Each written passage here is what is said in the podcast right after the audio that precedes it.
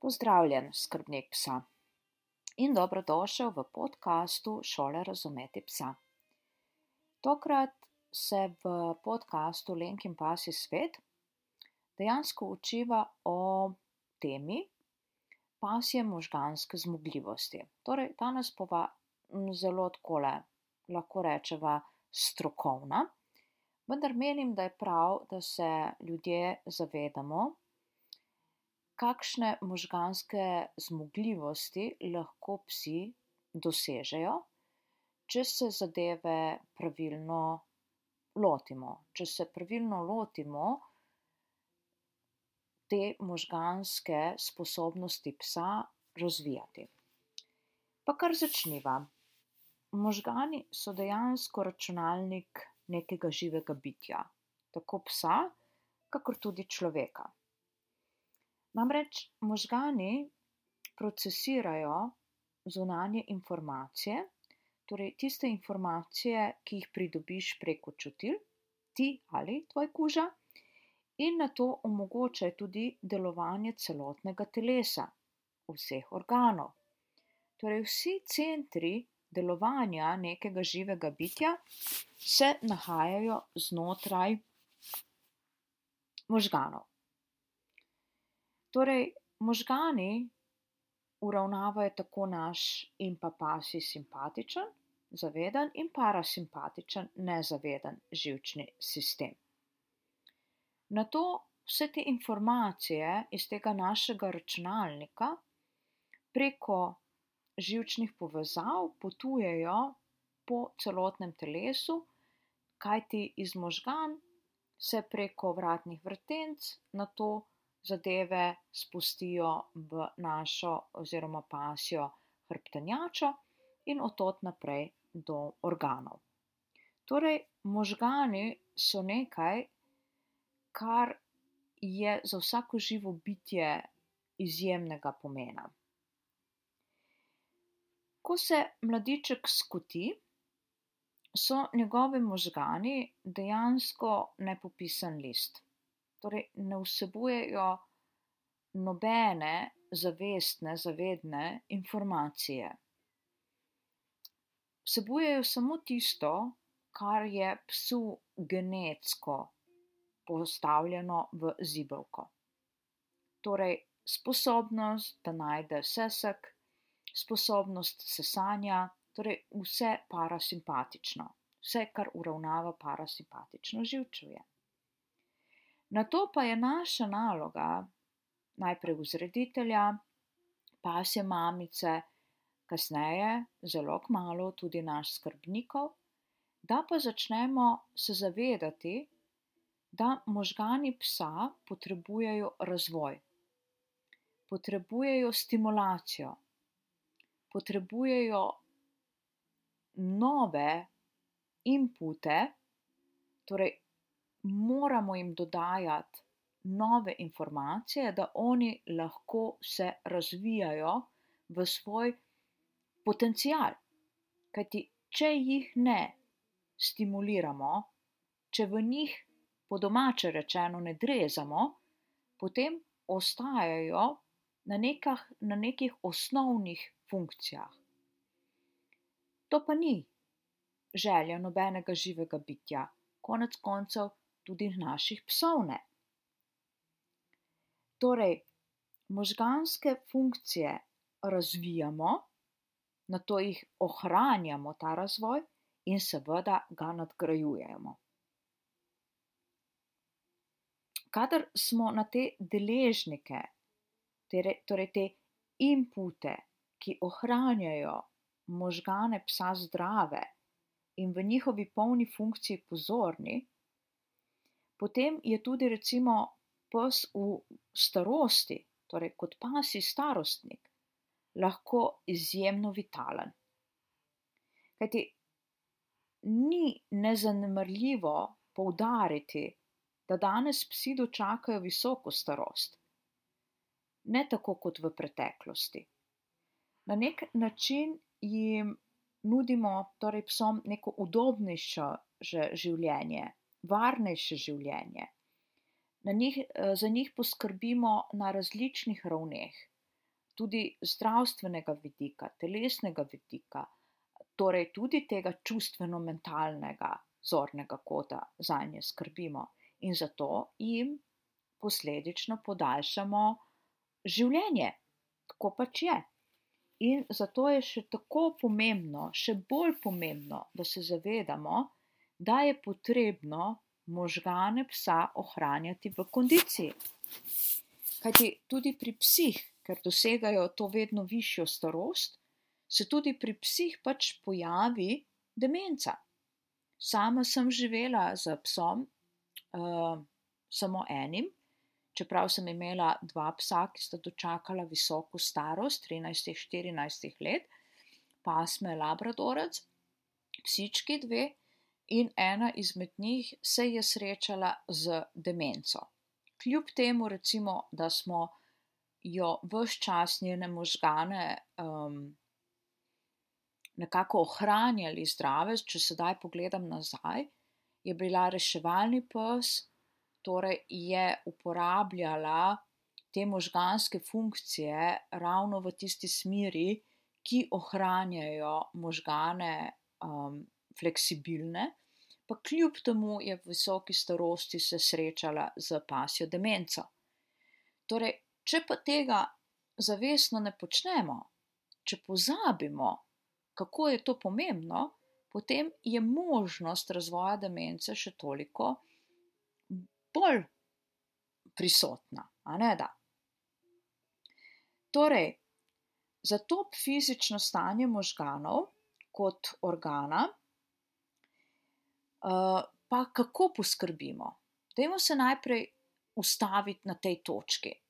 Ne? Kako kot možgani, kot nek fizičen organ, kako za nje poskrbeti, maksimalno poskrbeti, čisto na tej telesni, organski ravni. Popolnoma preprosta beseda, zato si jo zapomni. Maščobe. Možgani psa plavajo v maščobi. Maščoba je, to govorim o zdravih maščobah, maščoba je osnova za vitalnost, za možganov, za ta organ kot organ.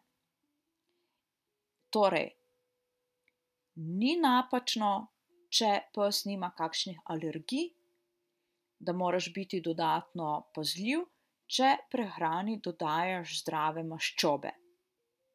Recimo, osebno zelo rada sem dodajala pri tem psu ne smem, zato ker pač um, njegovo telo, njegova uh, trebušna slinavka uh, ima težavo ravno z predelavo maščob, zato mu jih ne smem dodajati. Pred njim pa sem vsem psom zelo, zelo rada dodajala zadnjih, zadnja leta, desetletje, recimo uh, kokosovo maščobo slovenskega proizvajalca. Eh, predtem, prve pse, recimo 30 let nazaj, sem dodajala lososovo olje, potem pa smo s tem lososovim oljem postali zelo pazljivi zaradi težkih kovin, vsebnosti težkih kovin, tako da je potrebno torej biti pri maščobah pazljiv. Eh, vsekakor ne smeš dodajati recimo maščobe, kot so iz oreščkov, zato ker oreščki pa niso dobri za telo našega uh, psa. Torej, to je prva zadeva, na katero te želim opozoriti. Druga zadeva, ki ohranja možgane psa, govoriva o organu, fleksibilne, zdrave, polne uh, zmožnosti sprejemanja informacij, pa je spanje. Pogosto se zgodi, da skrbniki pozabimo na to, kako je pomembno psu zagotoviti kvaliteten spanec. Kajti samo kvaliteten spanec omogoča obnovo celic, torej tudi možganskih celic. Kar pomeni, da recimo naši psi takoj ko zaspijo, že lahko dosežejo teta valovanje možganov in iz tega takoj delto. Zelo hitro, ne tako kot ljudje, ki se mučimo, da pridemo sploh, če pridemo do delte. In v delti poteka, v možganskem valovanju poteka obnova celic. In psu moramo omogočiti, da pride do tega stanja možganov, da se celice obnavljajo. Kajti samo sveže celice, zdrave celice so sposobne sprejemati, delovati, žareti, biti v svoji polni funkciji. Zato prosim, poskrbi za kvaliteten spanec svojega psa. Sedaj pa, ko sva pogledala, kako čisto na telesnem, na organskem nivoju poskrbiš za kvaliteto uh, situacij, ki pomagajo vzdrževati zdravje pasih možganov, sedaj pa prideva na tisti del, ki vpliva seveda na organ kot organ, vendar greva na področje, ki se navezuje tudi na mental in na čustva psa. Kako torej možgane vzdrževati v top kondiciji, s tem, da se širi mentalna zmogljivost tvojega psa, mojega, vseh psov, dejansko. Kako? Preko vonja, preko tega, da psu omogočaš konstruktivno, usmerjeno uporabo čutila za vohanje, torej pasjega smrčka, pasjega nosa. Kaj ti, ko pogledaš strukturo pasih možganov, opaziš, takoj opaziš, da je ena tretjina, če ne celo mečkano več, pasjega organa, torej možganov, zadolžena, da se ukvarja z informacijami, ki v te možgane, te celice, te živčne povezave pridejo preko čutila za voh. Kar pomeni, da preko čutila za voh ti stimuliraš, ti razvijaš, ti bogatiš eno ali celo več kot eno tretjino pasih možganov. Zato lepo prosim, poskrbi, da bo pes imel možnost katere koli dejavnosti, ki bo zahtevala usmerjeno uporabo nosu. Torej, te moram opozoriti na razliko med neko spontano uporabo pasjega nosu in pa med temu, kar rečem jaz, usmerjeno uporabo nosu. Spontana je tista, pri kateri ja, se stimulirajo pasje možganske celice in nevronske povezave. Absolutno. Vendar, tako kot jih gradi, nadgrajuje in stimulira usmerjeno, usmerjena uporaba smrčka, tako jih tista spontana ne more. Usmerjena pa pomeni neko dejavnost, pri kateri od psa ti dejansko v narekovaji zahtevaš, da nos uporabi za specifično funkcijo. Recimo, takšne dejavnosti so zelo preprosta, dnevno dosegljiva, vsem dosegljiva, da se je naučiti, samo majčkano se mogoče moraš pri kašnem psu potruditi, je iskanje predmetov recimo iskanje igrač in vse te nadgradnje, ki iz tega sledijo. Potem imaš uh, dejavnost, usmerjeno dejavnost uporabe nosu, ki se imenuje detekcija oziroma delo z nosom, pri kateri kuža išče pač eterične vonje.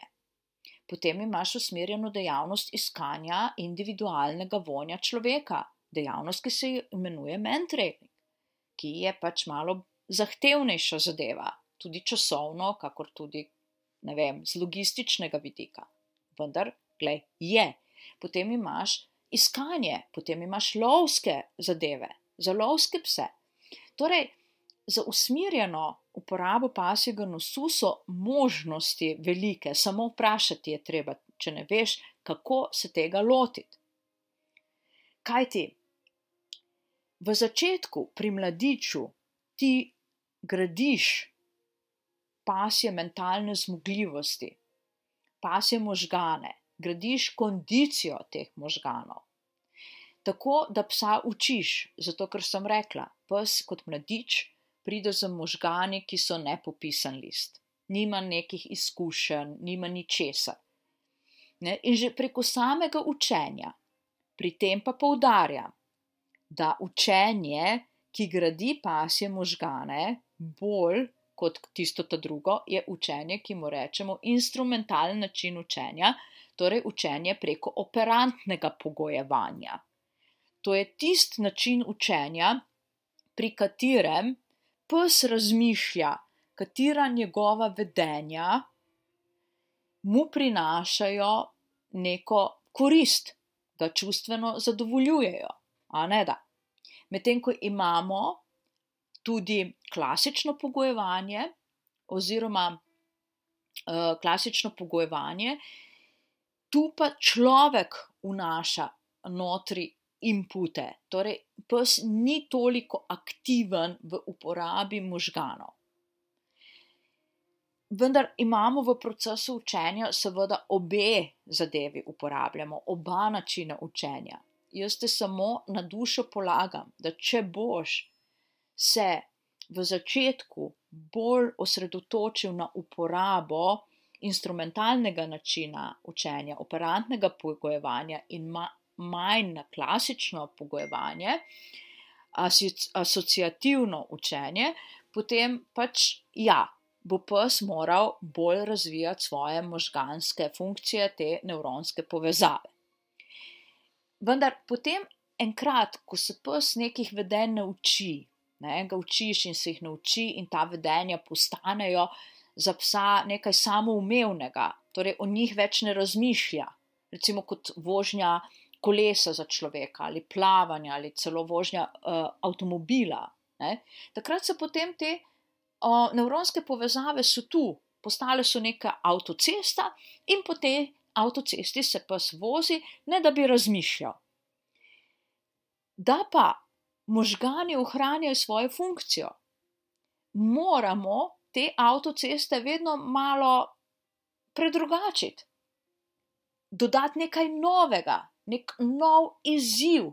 Torej, zapomni si, izziv je tisto, kar možgane psa ohranja mlade, mladostne, fleksibilne, polne energije, torej novosti, novi izzivi. In najlažje damo nove izzive preko uporabe nosu. Veliko lažje kot z učenjem nekih vedenj ali pa nekih trikcev. Sploh če trikce učiš, recimo, s pomočjo luringa.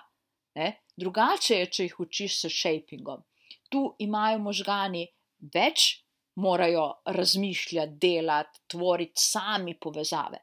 Če pa ti delaš zadevo preko luringa, pa dejansko pes lahko možgane čisto izklopi in je dejansko vse v mišičnem spominu. V redu? Torej, da bodo možgani psa ostali fleksibilni, živahni, polni sposobnosti tvoriti vedno, vedno nove nevronske povezave, je potrebno poskrbeti za izzive. Izzive preko nosu, pa tudi kakšne druge izzive. Tako, dragi moj skrbnik, tole je danes takšna poslastica razumevanja, kako pasi možgani delujejo. Res, malo bolj tako učenjaško in mogoče malo manj zanimivo, vendar še zmeraj noro pomembno. Tako, vabim te, da se naročiš na podcast Pasje šole razumeti psa. Jaz obljubljam, da bodo sveže, učne in bolj zabavne vsebine sedaj vedno bolj redno tudi na sporedu. Torej, klikni na naročim se in se slišiva ob drugi priliki. želim ti čaroben in božanski dan.